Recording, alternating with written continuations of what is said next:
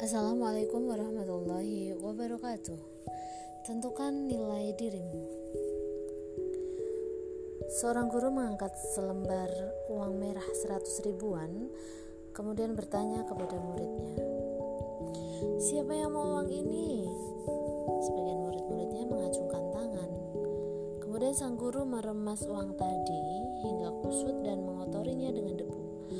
Lalu bertanya kembali, Siapa di antara kalian yang masih mau uang ini? Ternyata beberapa tangan masih menunjuk.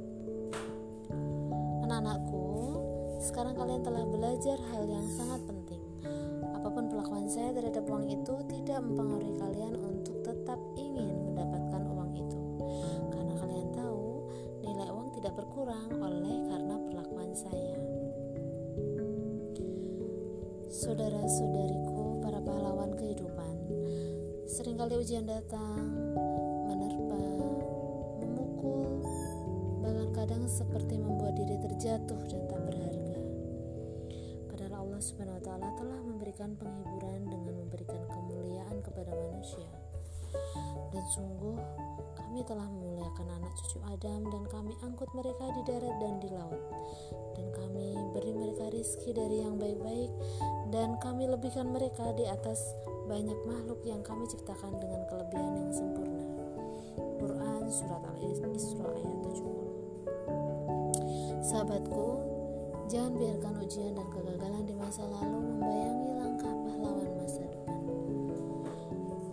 kisah tentang pembunuh 100 orang yang kemudian bertobat dan meninggal dalam perjalanannya? Meskipun telah banyak dosa yang ia lakukan, tapi ia masih punya keinginan untuk memperbaiki diri. Allah Subhanahu wa taala juga berfirman, "Dan jangan kamu berputus asa dari rahmat Allah. Sesungguhnya yang berputus asa dari rahmat Allah hanyalah orang-orang yang kafir." Quran surat Yusuf ayat 87. Demikianlah saudaraku, para pahlawan akan mempunyai penghargaan yang tinggi terhadap dirinya, tak peduli bagaimanapun orang memandang, mencela,